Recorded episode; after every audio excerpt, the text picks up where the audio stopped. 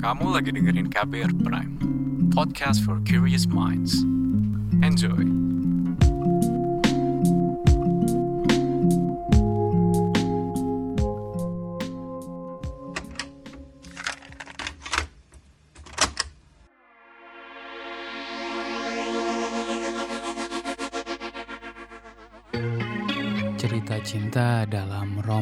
Sastra, atau film biasanya settingnya bisa sangat tidak terduga. Cerita cinta memang bisa terjadi di mana saja dan kapan saja. Ini kali saya ngobrol bareng Syahdan dan Uca yang ketemu dalam sebuah pertunjukan teater di kampus. Bareng mereka berdua, saya banyak ngobrol perkara transgenerational trauma dan cara ngatasinnya dalam sebuah hubungan. Juga menjalin hubungan yang lebih mindful, mindful relationship they call it.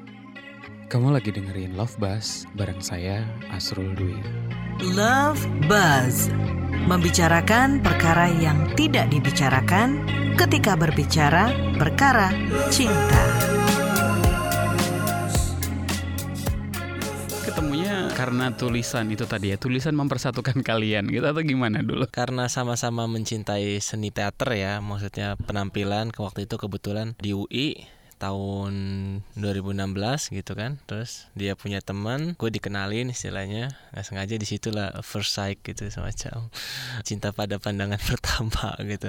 Dan dia emang sosoknya agak diem dan di situ gue merasa kayak ada kecocokan gitu dengan kepribadian gue gitu. Meskipun dia saat itu masih ada orang lain gitu loh kalau istilahnya masih ada anjingnya lah. Kalau versi lo gimana waktu itu ngelihat pertama kali gitu? Ya vice versa sih. Sebenarnya dia juga kayaknya eh ketika itu belum ya belum ada pasangan yang dia. Eh, jadi dia sebenarnya tuh adik tingkat kalau di kampus. Jadi kita kan sama-sama kuliah di Jogja. Cuma ketemunya itu waktu kita nonton teater garasi di UI tahun 2016. Karena dia adik tingkatnya temanku yang bersamaan nonton bareng sama gue dikenalin lah oh ini adik tingkat gue gitu. Oh kenalan. Nah dari situ keep in touch-nya mungkin kayak karena follow-followan IG IG aja sih gitu. Interaksinya dari media sosial itu. Terus ya kami sama-sama punya pasangan, dia punya pasangan. Cuma baru pas 2021 dia udah jomblo. Kebetulan gue juga jomblo, mungkin momentumnya pas gitu. Tuh akhirnya baru bener-bener lah dekat dan menjalin sampai sekarang.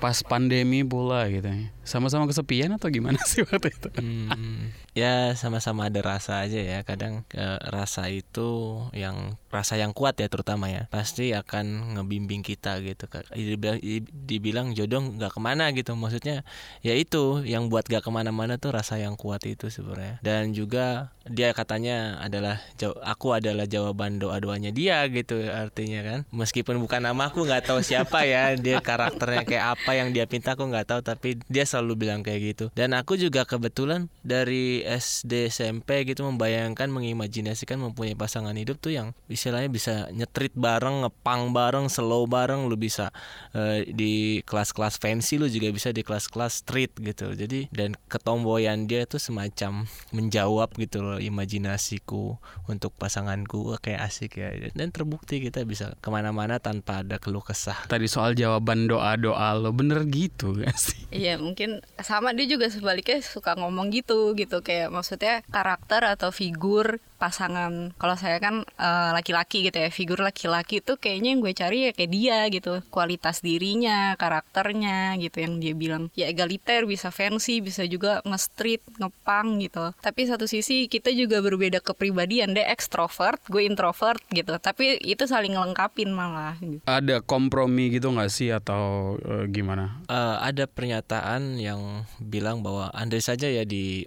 UI itu saat itu kita sama-sama kosong dan bisa berjalan bareng gitu istilah saat itu. Tapi saya bilang eh, kalau memang saat itu begitu, saya nggak belajar dengan hubunganku sebelum-sebelumnya gitu. Karena saya mulai terbuka mata bagaimana mindful relationship itu ya, bagaimana juga memahami karakter yang berbeda dari aku gitu. Jadi dari hubung-hubunganku yang dua kali aku gagal mungkin dari LDR atau juga dari sikapku yang kurang baik apa merespon LDR yang jauh gitu dan akhirnya saya belajar banyak tentang diri saya gitu karena saya juga bilang adik saya waktu putus meskipun saat itu saya masih punya pacar saya bilang ke dia ya hubungan yang baik itu adalah hubungan yang eh, membawa kita ke pengetahuan diri kita gitu. Jadi hubungan yang baik itu bagaimana kita bisa mengenal diri kita gitu. Selain mengenal pasangan tentunya gitu. Jadi dari pasangan kita kita jadi mengenal diri kita. Nah, saat itu ya aku banyak belajar dengan yang sebelumnya, mungkin dengan karakter yang kurang lebih sama gitu, tapi banyak bedanya gitu. Tapi jadi aku bisa memahami oh seperti ini seperti itu. Jadi ya pengalaman pahit aku bersyukur gitu dan itu jadi pelajaranku sehingga ketika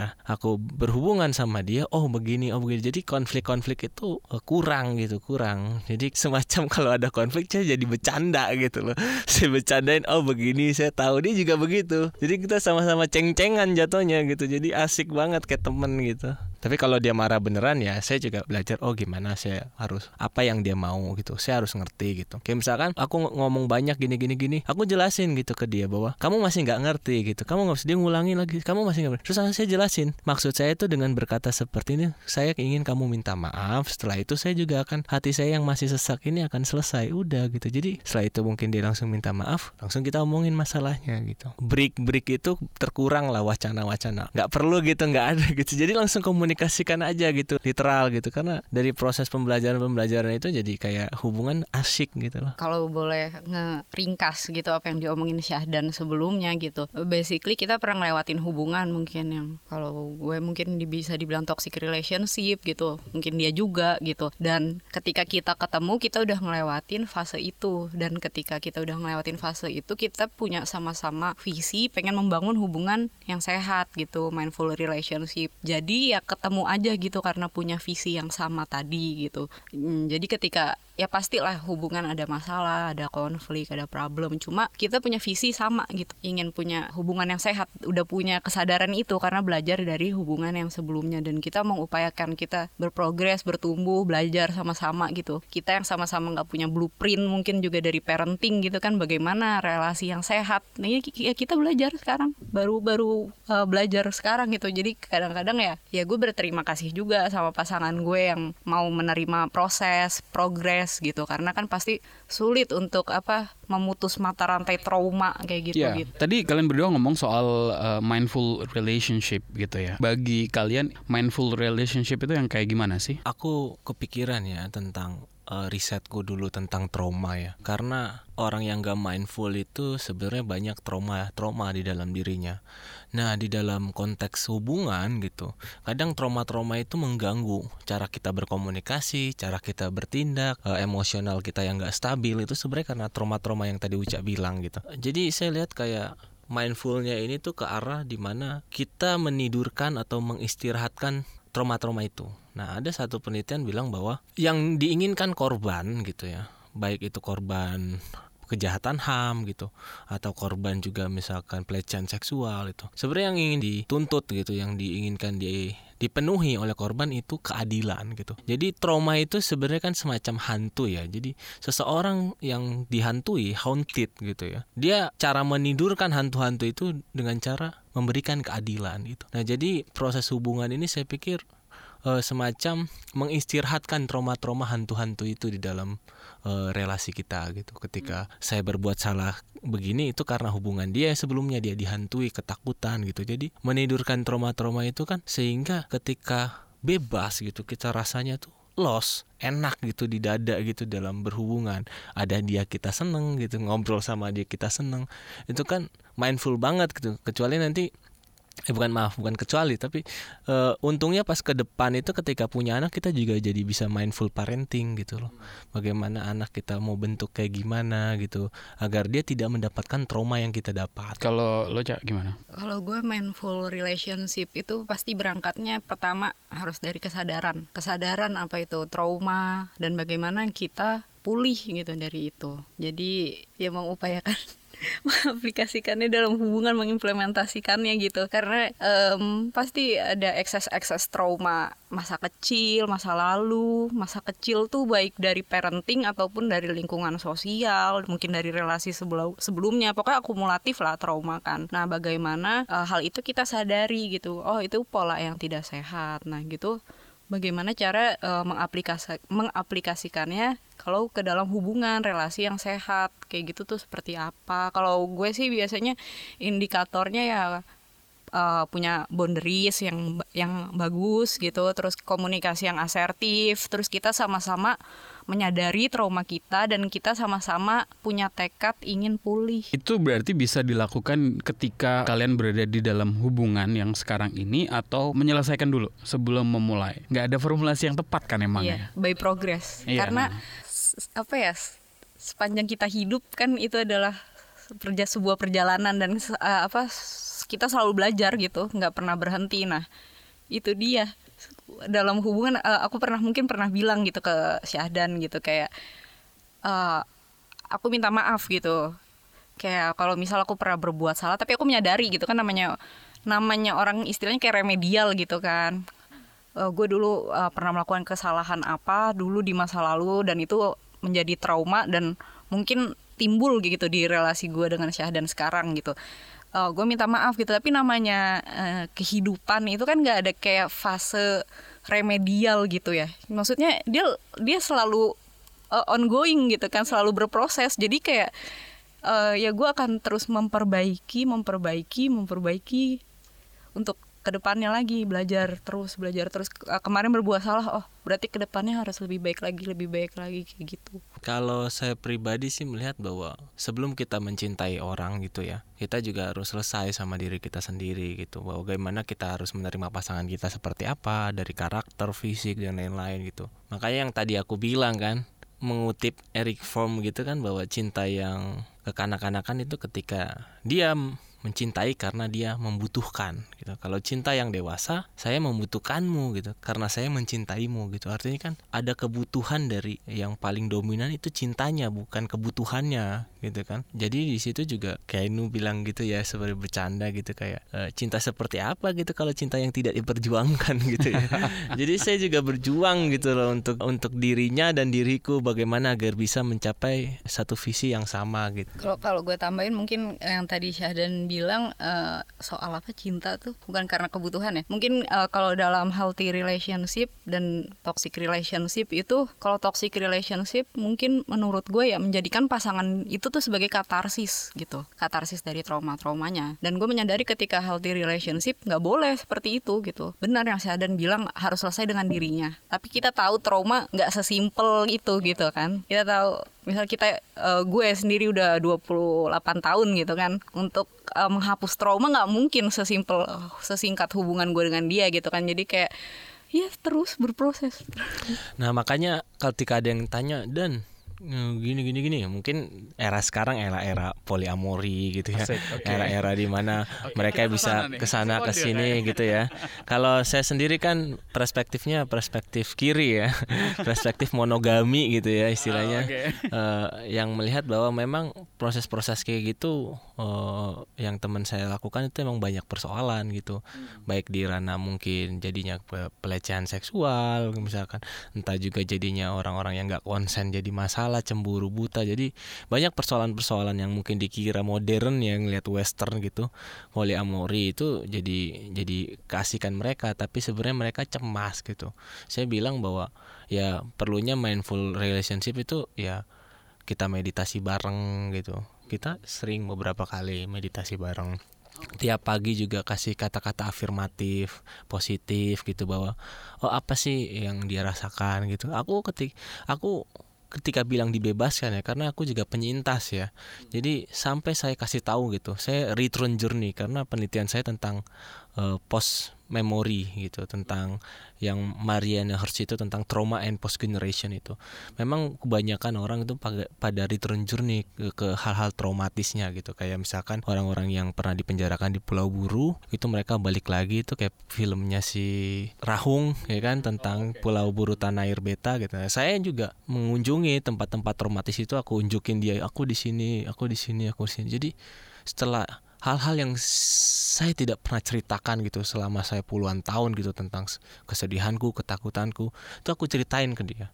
Jadi kita mengurai trauma, ketakutan, ketidakpercayaan diri, kesedihan itu di hubungan ini gitu. Jadi nggak ada tempat orang lain yang seakan-akan hubungan kita nggak sehat, jadi kita mengisi eh, kebutuhan itu dengan orang lain gitu.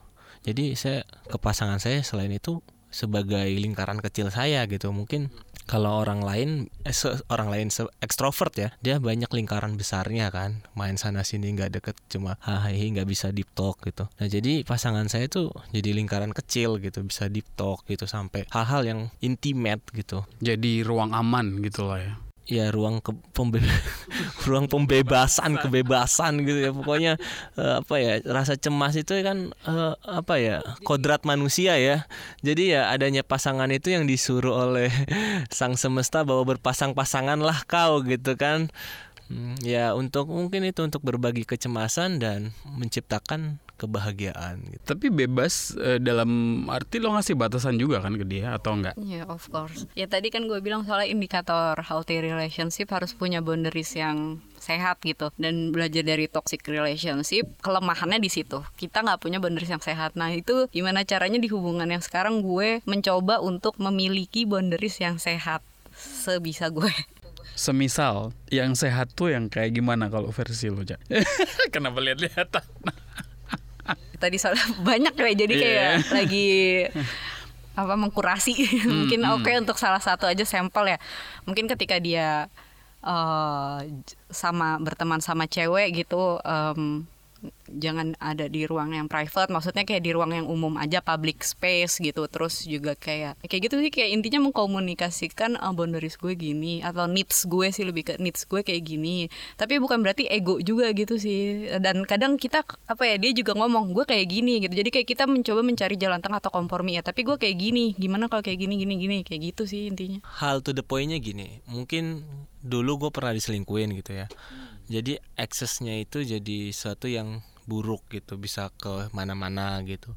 Eh, semacam revenge gitu ya bahwa gue diselingkuhin gue juga bisa gitu. Jadi eh, hal-hal yang sifatnya insidental dan eh, eksidental juga terutama spontanitas gitu kan terjadi gitu entah di beberapa daerah. Dan itu menjadi trauma dia karena dia takut gitu.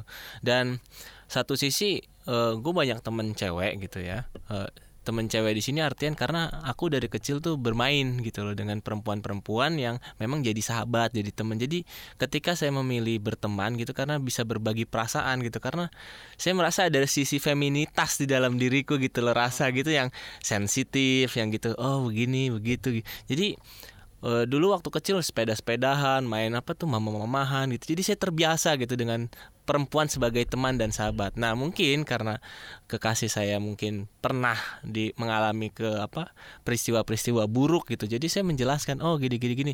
Karena memang dia tadi ngasih boundaries gitu saya ikutin. Oh iya ternyata itu nggak bagus buat dia perasaan dia. Oh saya nggak kayak gini lagi. Meskipun saya orangnya santai gitu loh.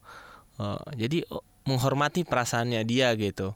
Bukan berarti aku harus keras gitu enggak gue bisa kayak gini-gini juga gitu. Enggak aku juga berkompromi. Oh ya nggak seperti ini oh nggak boleh seperti ini that's okay karena aku bilang bahwa aku mencintaimu ya aku membunuh kebebasanku ya kan Oh gitu ya? Iyalah, orang menikah gitu kan atau orang berpasangan itu udah satu sisi udah membunuh kebebasan. Nah, bagaimana kita membunuh kebebasan kita itu dengan rasa ikhlas dan sabar. Itu enak banget gitu loh. Oh iya, artinya kan pelarangan-pelarangan itu kan sebenarnya rasa cinta juga, rasa dia takut akan kehilangan, rasa dia takut juga bahwa saya eh, nanti berbuat apa menjadi masalah. Artinya kan rasa sayang itu. Kenapa kita nggak menjalani nasihat-nasihat dan permintaan-permintaan yang sebenarnya untuk hubungan kita yang sehat gitu, untuk hubungan kita yang baik gitu. Masing-masing kalian pasti inilah ya bikin batasan-batasan itu kan. Gimana kemudian batasan-batasan itu nggak bikin kalian merasa eh, terbatasi atau terkekang gitu ya di dalam hubungan kalian. Kalau aku sih aku bercandain aja sih, dibuat ketawa terus kadang apa ya sebuah eh, apa batasan moral terutama ya itu kan perdebatan ya fluid kadang bisa ini kadang bisa itu. Tapi kalau untuk hubungan ya kita udah tahu itu normatif gitu bahwa oh hubungan yang seperti ini akan seperti ini gitu. Kita ngedidik anak seperti ini akan seperti ini itu ada gitu istilahnya eh, eh, efek dampak gitu loh sebab mus- musababnya gitu. Kalau aku sih melihat bahwa ya selama selama kita bisa memahami pasangan kita ya dari corak komunikasi, corak juga bagaimana dia berperilaku, ya insya Allah ke depannya tuh baik-baik aja karena ketika kita menanamkan kebaikan, ya yang didapat kebaikan. Kalau kita udah menanamkan keburukan, ya udah orang udah tahu gitu loh makanya kadang orang misalkan mengandung gitu seorang istri terus bapaknya nggak boleh membunuh ular gitu kan. Membunuh apa ntar anaknya kayak ular mukanya katanya. Padahal mah enggak itu kan apa ya mem- memfeeding eh, rasa amarah kan. Si bapak ngapain membunuh kan bisa diusir atau bisa ditangkap dipindahin artinya apa yang kita lakukan itu berdampak ke pasangan kita bahkan ke anak yang masih janin gitu secara spiritual gitu ya. Tapi memang itu ada gitu loh hal-hal kayak gitu. Karena hal-hal yang tidak terlu terliput gitu ya. Dan dianggap luput gitu itu bermakna gitu. Makanya aku bilang sama dia bahwa nggak usah terlalu banyak menjelaskan sesuatu gitu loh seakan-akan kita takut kehilangan makna gitu. Kayak orang-orang Jakarta gitu kan ngomong banyak gue ini gue itu kayak kehilangan makna. Coba kita diem aja tuh udah terasa gitu. Oh dia maunya apa perasaannya kayak gimana keinginannya gimana. Jadi lebih dialogis. Gimana caranya bikin batasan itu? Atau lo menyikapi sendiri ya batasan yang diberikan biar juga lo nggak ngerasa eh, terkungkung gitu, terpenjara. Eh, kalau gue mencintai itu juga sepaket gitu. Ada yang memang tidak bisa dirubah gitu. Ada yang memang nilai diri yang tidak bisa dirubah. Oh dia karakternya tuh ya emang pecicilan. ya udah mau mau kayak gimana itu gue terima gitu. Nah mencintai dengan tulus tuh juga termasuk eh, menerima kondisi yang hal yang tidak dibuat ya udah dia kayak gini gitu apa adanya. Jadi bukan istilahnya membentuk dia gitu kalau gue. Kalau jadi tuh kalau boundaries tuh lebih ke hal-hal yang emang negotiable gitu. Tapi nggak nggak ngerubah karakter di, dia gitu personanya dia value atau ya ya seperti itu sih kalau gue. Eh, tapi memang yang masih negotiable. Cuma memang kadang tuh susah ketemu di tengah. Kalau udah kayak gitu gimana tuh? kalau udah kayak gitu butuh eh, waktu. butuh Ya, waktu. butuh waktu. Ya oke. Kita coba ya, gitu. udah yang penting ya balik ke diri sendiri. Otomatis ya boundaries diri sendiri gitu. Otomatis tetap yang jadi tolak ukurnya boundaries diri kitanya sendiri gitu patokannya gitu kalau udah susah kayak gitu. Jadi yang penting yang aman atau yang sehat buat diri gue nya apa gitu. Karena kan kita apa ya menyadari gitu kalau healthy relationship ada hal-hal yang di luar kendali kita termasuk orang lain yaitu pasangan gitu kan. Bagaimanapun sedekat apa pun pasangan itu juga di luar kendali kita gitu kan. Jadi ya kayak gitu. Kalau misalkan susah ketemu di tengah ya tetap ya udah eh, berpegang sama patokan yang boundaries untuk diri gue yang sehat aja apa kayak gitu. Hmm, hmm. Jadi secara emo, iya, eh, secara emosional gitu eh, juga kudu apa ya dewa- lebih dewasa gitu untuk menyikapi hal-hal yang kayak gitu gitu ya. Dan eh, tadi sih kaitannya dengan eh, kita bahas soal trauma gitu eh, karena eksesnya mungkin ketika dia eh, bereaksi atau merespon suatu hal apa misal dalam hubungan gue jadi memahami gitu oh kenapa sih dia reaksinya seperti ini oh karena dulu berangkat trauma dan itu tuh jadi eh, less konflik gitu. Jadi sedikit kayak gue lebih bisa eh, lebih mudah insya Allah sih dalam eh, rekonsiliasi konflik gitu. Karena oh tahu dia tuh kenapa sih responnya kayak gini? Karena dia dulu traumanya ini gitu gitu. Jadi kayak eh, ya lebih bisa memahami lebih mudah dan insya Allah lebih bisa mengurai konflik lebih mudah juga gitu karena mengetahui oh dia kayak gini sebenarnya ini bukan dia nih ini karena ada sabotase traumanya mungkin gitu gitu gitulah Biasanya komunikasinya caranya kalian kayak gimana sih? Kalau nggak ketemu lewat obrolan, mungkin lewat tulisan gitu enggak ya? Iya sih kadang Oh, dia, gitu? dia nulis surat gitu kadang dia nulis panjang surat gitu kan saya baca dalemin ulang lagi karena kan saya penuh full of distraction ya bahwa apa dunia yang cepat ini kan. Jadi kadang saya benar-benar juga harus eh, mendisiplinkan diri saya gitu apa yang dia tulis panjang gitu. Jadi saya baca ulang oh seperti ini.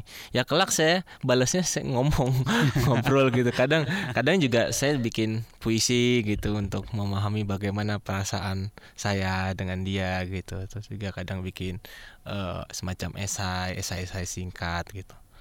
Ya kita juga eh, berusaha ya eh, ke psikolog masing-masing gitu loh. Saya juga punya psikolog, dia juga punya psikolog dan kemudian eh, kita juga berdua dengan satu psikolog yang sama nantinya pengen akan konsultasi pasangan itu konselor ya, ya. Ada rencana sampai ke sudah sana? sudah kita sudah nulis banyak keluhan apa sih masalahnya ya ke- lebih banyak ke persoalan tentang komunikasi ya. Lebih komunikasi. Kalau tadi mu- mungkin kalau Syahdan ngomong oh gue nulis surat mungkin karena gue orangnya introvert terus emang lebih suka nulis dan dia tuh orangnya lisan apa tutur banget gitu. Jadi ya gitu. Tapi bagusnya gitu hubungan kita tuh kita punya quality time yang banyak ya untuk bisa berkomunikasi gitu. Dan itu baru gue dapetin di hubungan ini gitu. Karena kalau yang sebelumnya gue juga masih apa ya masa masa dewasa yang beranjak dewasa krisis eksistensial nggak tahu apa itu trauma segala macem belum bisa terpetakan tapi kan kalau gue yang sekarang udah dewasa insya Allah terus udah bisa mulai memetakan trauma-trauma gitu udah mengerti memahami gitu iya bebas bareng-bareng merdeka lah Bentar, um, biasanya kalau pasangan ke konselor mayoritas kan kebanyakan kan udah menikah gitu kan. Sementara kan kalian belum. Apa yang bikin kalian ngerasa ada kebutuhan ke sana gitu? Aku pikir itu juga nggak nggak nggak terlalu uh, umum gitu buat pasangan pasangan-pasangan yang belum nikah gitu kan. Ya, karena proses kita kan ingin menikah ya doain tahun ini. Ya. Amin ya ampun. Mungkin ini jadi arsip kita ya. ya. Diputer pas ini nikahan. Seru banget pasti emaknya tuh yang seneng tuh dia dengerin tuh. Uh, kemarin dideklarasikan juga mamanya depan temen-temen itu aktivis-aktivis tahun jebot gitu bahwa ini gua siapa gitu calon mantu gitu. Nah kita juga ada uh, ini poin-poin untuk menuju ke situ gitu loh. Yaitu pertama ya kita selesai dengan diri kita sendiri gitu. Karena aku bilang juga ke temanku itu nasihat ya jangan cari pacar sama yang belum selesai sama diri sendiri gitu. Karena repot gitu. Nah alhamdulillah ya aku selesai udah selesai karena kita udah bisa memetakan trauma-trauma bagaimana mengidentifikasi satu masalah gitu dan mendapatkan solusinya gitu. Dan kemudian kita juga ada salah satu poin yang konselor bareng gitu.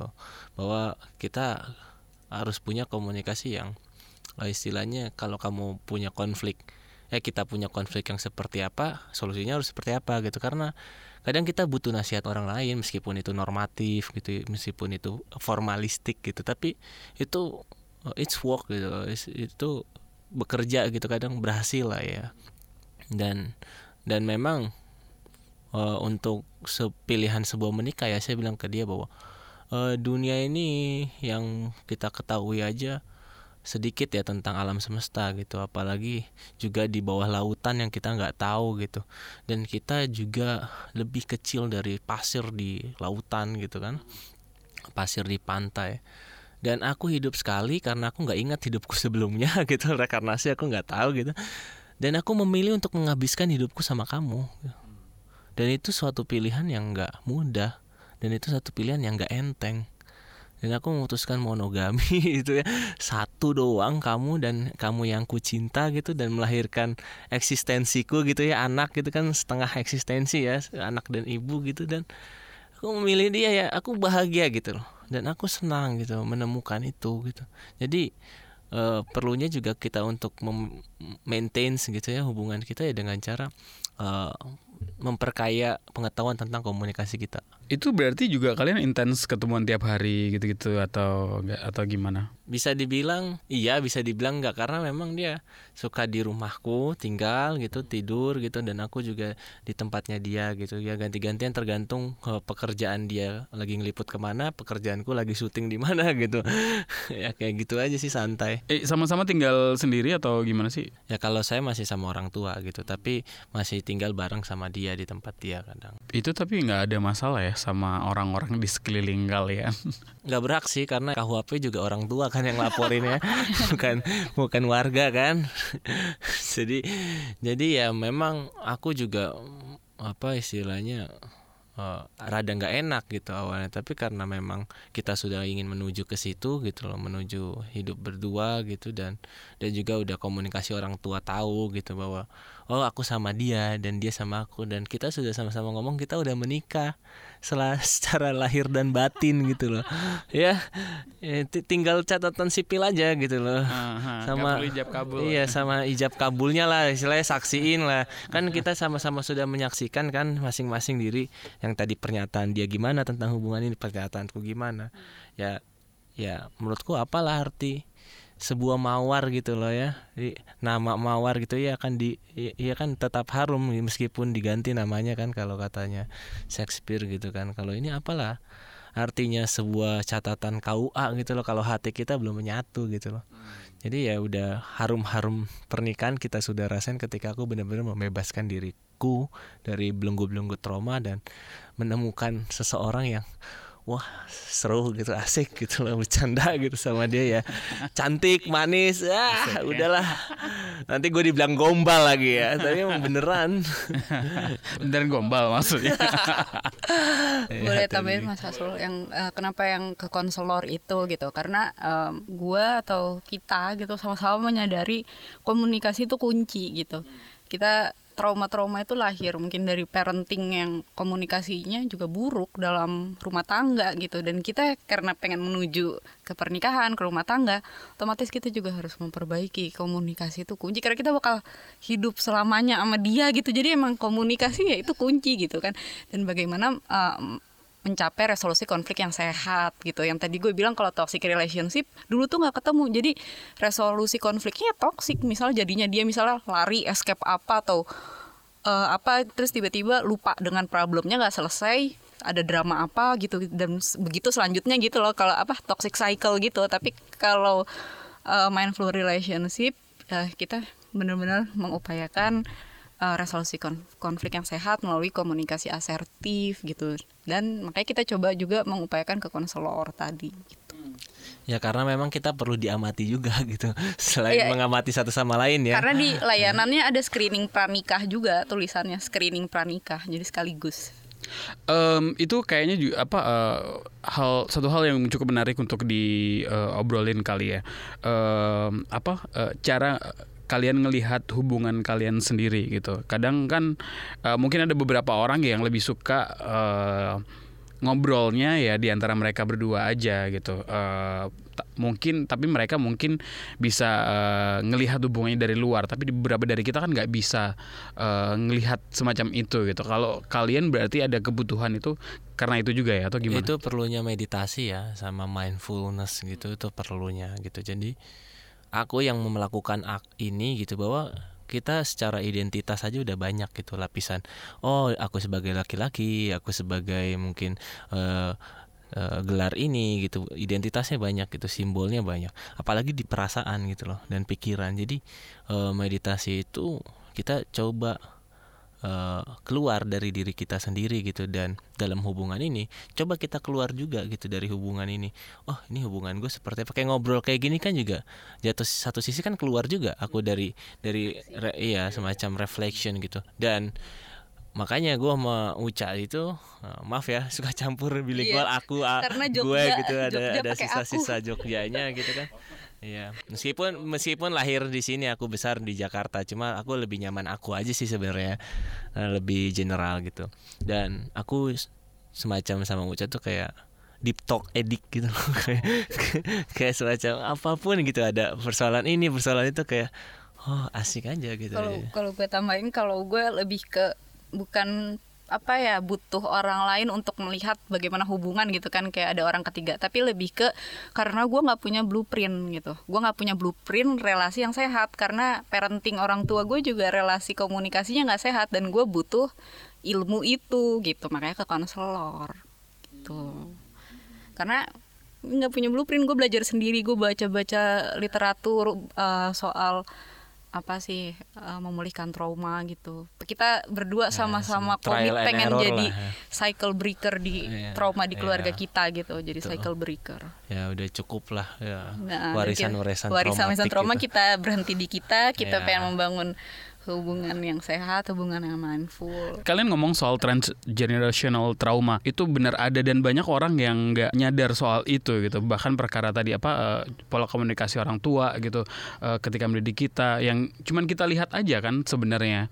Meskipun ya kita nggak pernah nyadar it- itu eh, ternyata punya eh, dampak ke kita gitu. Kesadaran itu kalian mun- muncul di kalian itu em, ada eureka momennya nggak sih waktu itu? masing-masing sih itu. Kayak masing-masing. Kalau aku sih ngelihat di mana proses eh, proses itu ya apa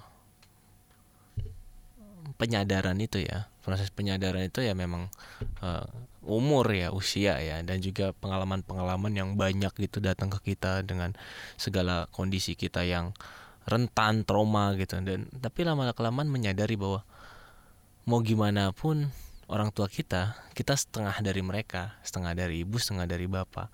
Baik itu secara fisik maupun genetik gitu. Jadi cara memahami diri kita ya kita memahami orang tua kita juga gitu loh. Makanya juga istilahnya dua ibu gitu ya dua orang tua dua bapak gitu. Dan dan itu sih yang yang bikin aku sadar gitu masalahku di mana gitu dan persoalanku gimana gitu. Begitu juga sampai ke nenek kakek gitu dan lihat. Makanya uh, pengetahuan medis yang paling pesat ke depan kan itu pengetahuan tentang genetik kan? Tentang DNA kan? Itu yang ke depannya banyak gitu di bahas gitu. Jadi ya secara tidak langsung ya uh, memutus uh, transgeneration trauma itu ya dengan cara kita juga mengetahui kita dari mana gitu. Bahwa istilahnya ini ntar gue dicengin lagi nih. Man arofa robbahu lakot arofa nafsahu gitu istilahnya. Siapa yang uh, mengetahui tuannya maka dia maaf kebalik ya. Barang siapa yang ingin mengetahui tuannya gitu. Makanya dia mengetahui dirinya sendiri gitu. Jadi kayak wahdatul wujud gitu loh. Jadi lebih ke diri sendiri tuh ketawa tuh dicengin gue. Oh, anak pesantren ternyata dia, dia tuh multidimensi iya, iya. serius. Dia bisa tiba-tiba ini terus tiba-tiba tiba-tiba ateis tiba-tiba gitu. kiri ya kan? Tiba-tiba kiri tiba-tiba anak jaksel ya kan? iya kan tadi udah, gitu. udah udah disclaimer kan playernya banyak.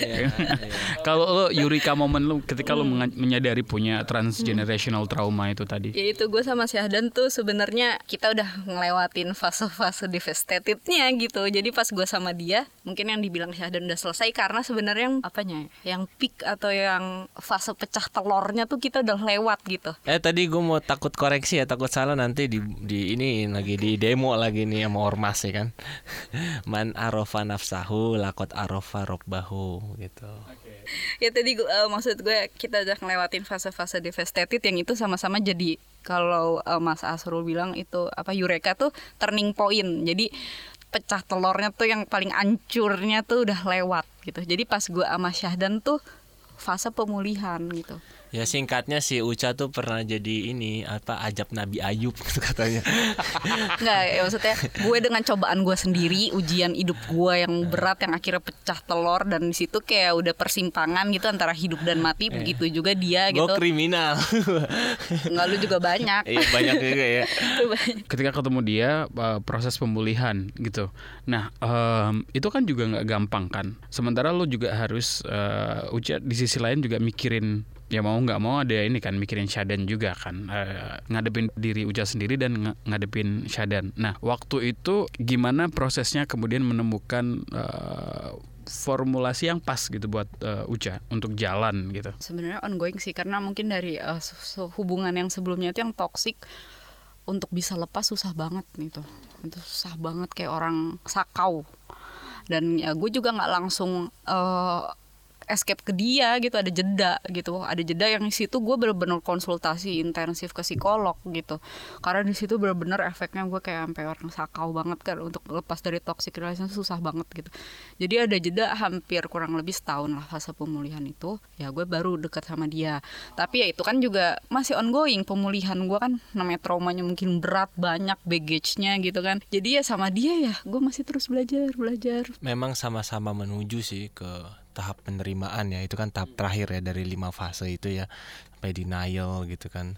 Negotiate sampai depression sampai uh, acceptance itu. Jadi ya alhamdulillah ketika menemukan diri sendiri ya itu menemukan penerimaan satu sama lain gitu. Dan kayak semacam udah selesai aja gitu.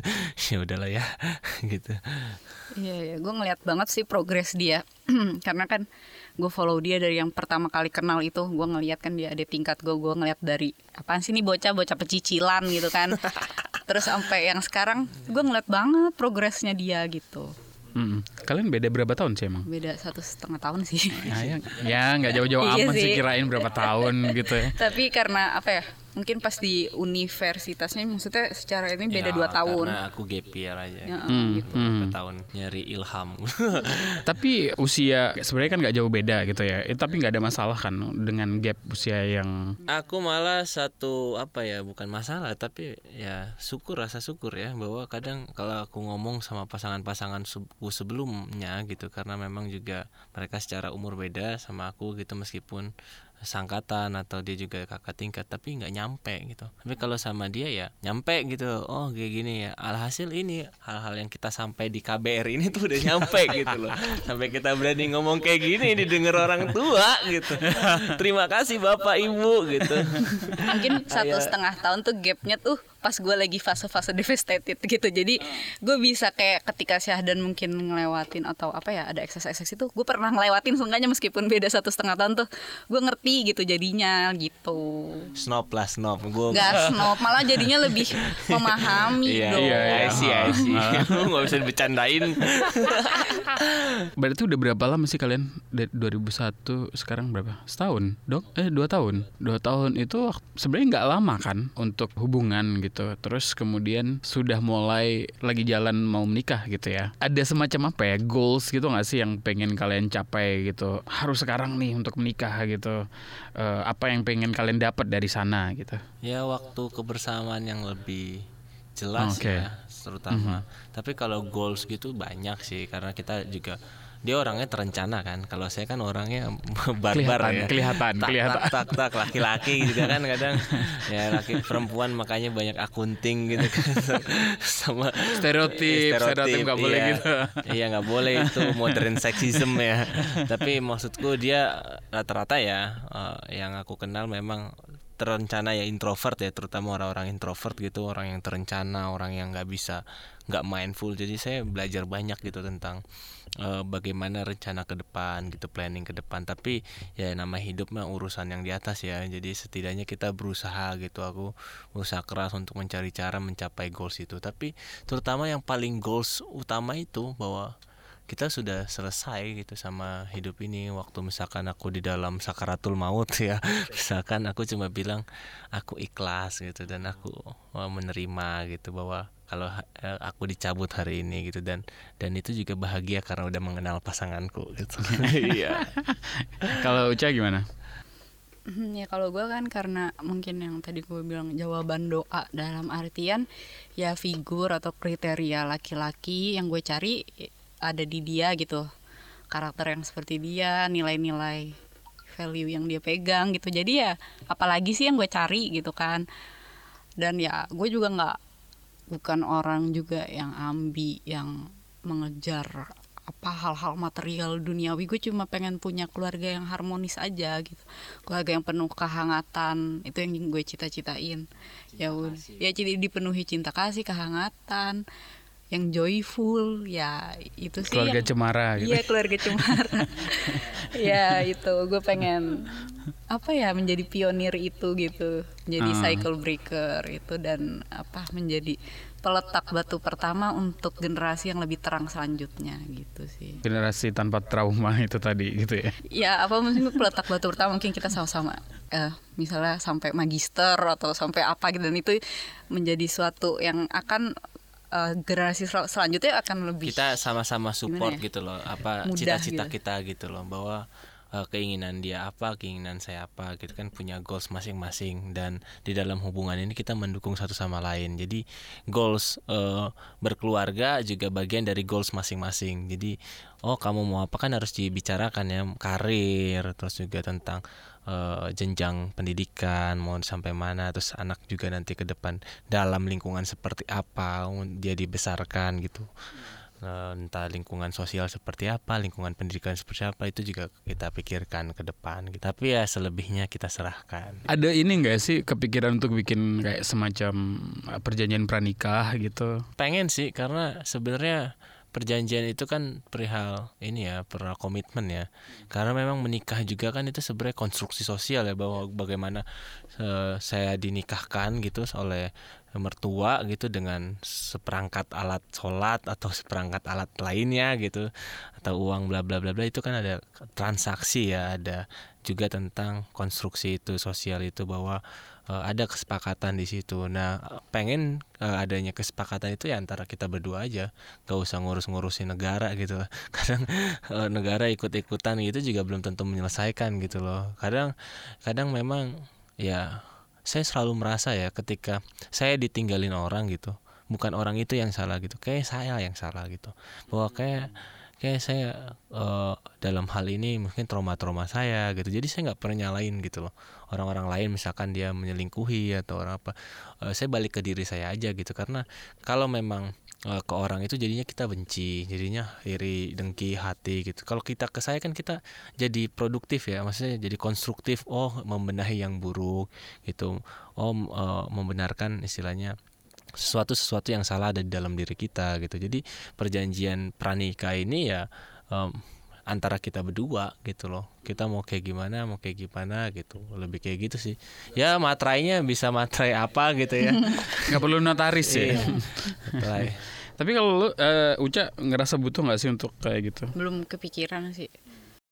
Karena kupikir uh, apa pun misalkan ya uh, notaris gitu kan. Ujung-ujungnya kan kita berdua gitu loh Nah kita juga punya komunikasi gitu. Tapi kalau kalian bahasa cinta kalian nah, kayak gimana biasanya? Ketika misalkan aku main game gitu, tapi aku bukan gamer sih, cuma sekali ngilangin gitu. Terus minta diambil air minum, udah seneng aja gitu aja. Iya hemat kata act, act of service dia love language-nya. Kalau gue lebih ke apa ya?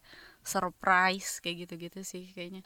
Ya tiba-tiba jam 2 malam bangunin kayak gitu. Lucu aja gitu kayak beneran terus kayak tiba-tiba uh, muncul di kafe gue lagi laptopan gitu tiba-tiba dia masuk buka pintu kayak gitu surprise. Cinta buat kalian apa? Dari siapa dulu? Boleh, kamu dulu. Eh, iya. Tentang ini sih perasaan tenang. Kadang di apa ya di dunia yang penuh kecemasan gitu kan, penuh kompetisi gitu. Nah, cinta tuh semacam bahan bakar uh, untuk menghidupkan kita hidup gitu. Jadi adanya cinta itu semacam kayak mengurai kecemasan-kecemasan itu gitu. Hmm. Bayangkan ya misalkan seorang bapak yang mela atau seorang ibu yang melahirkan anaknya mungkin kurang lebih uh, punya disabilitas gitu. Tapi karena cinta dia mengurusnya sampai usia berapa gitu. Jadi bahan bakar dia menghidupi hidupnya dan menghidupi anaknya itu cinta. Mungkin disebut unconditional love gitu ya. Ada yang bilang bahwa lu nikah pacaran. Cinta aja nggak cukup gitu. Tapi kalau saya bilang cinta aja itu cukup gitu. Karena Asik. dengan kita mencintai kita juga akan berusaha gitu loh. Berusaha keras untuk mencapai cinta itu gitu loh. Saya rasa cinta aja cukup kalau Ucef cinta gue, versi Ucef hmm, cinta sesuatu yang melengkapi gitu. Kaitannya tuh sebenarnya cinta sama jodoh sih kalau gue tuh kayak jadi ya sesuatu yang melengkapi gitu. Kayak semuanya di dunia ini tuh kayak balancing gitu kasih harmoni gitu kan yin yang gitu. Dengan gue yang karakter kayak gini kayaknya ya ya udah emang dia gitu yang bisa mengcounter mengimbanginya gitu. Yang itu sih. Kayak yang saling melengkapi gitu. Kayak sebuah harmoni dalam semesta aja. Hubungan yang ideal ya bisa bikin kita jadi belajar. Nggak sekadar belajar tentang pasangan tapi juga belajar tentang hidup. Belajar tentang diri kita sendiri Love Buzz membicarakan perkara yang tidak dibicarakan ketika berbicara perkara cinta.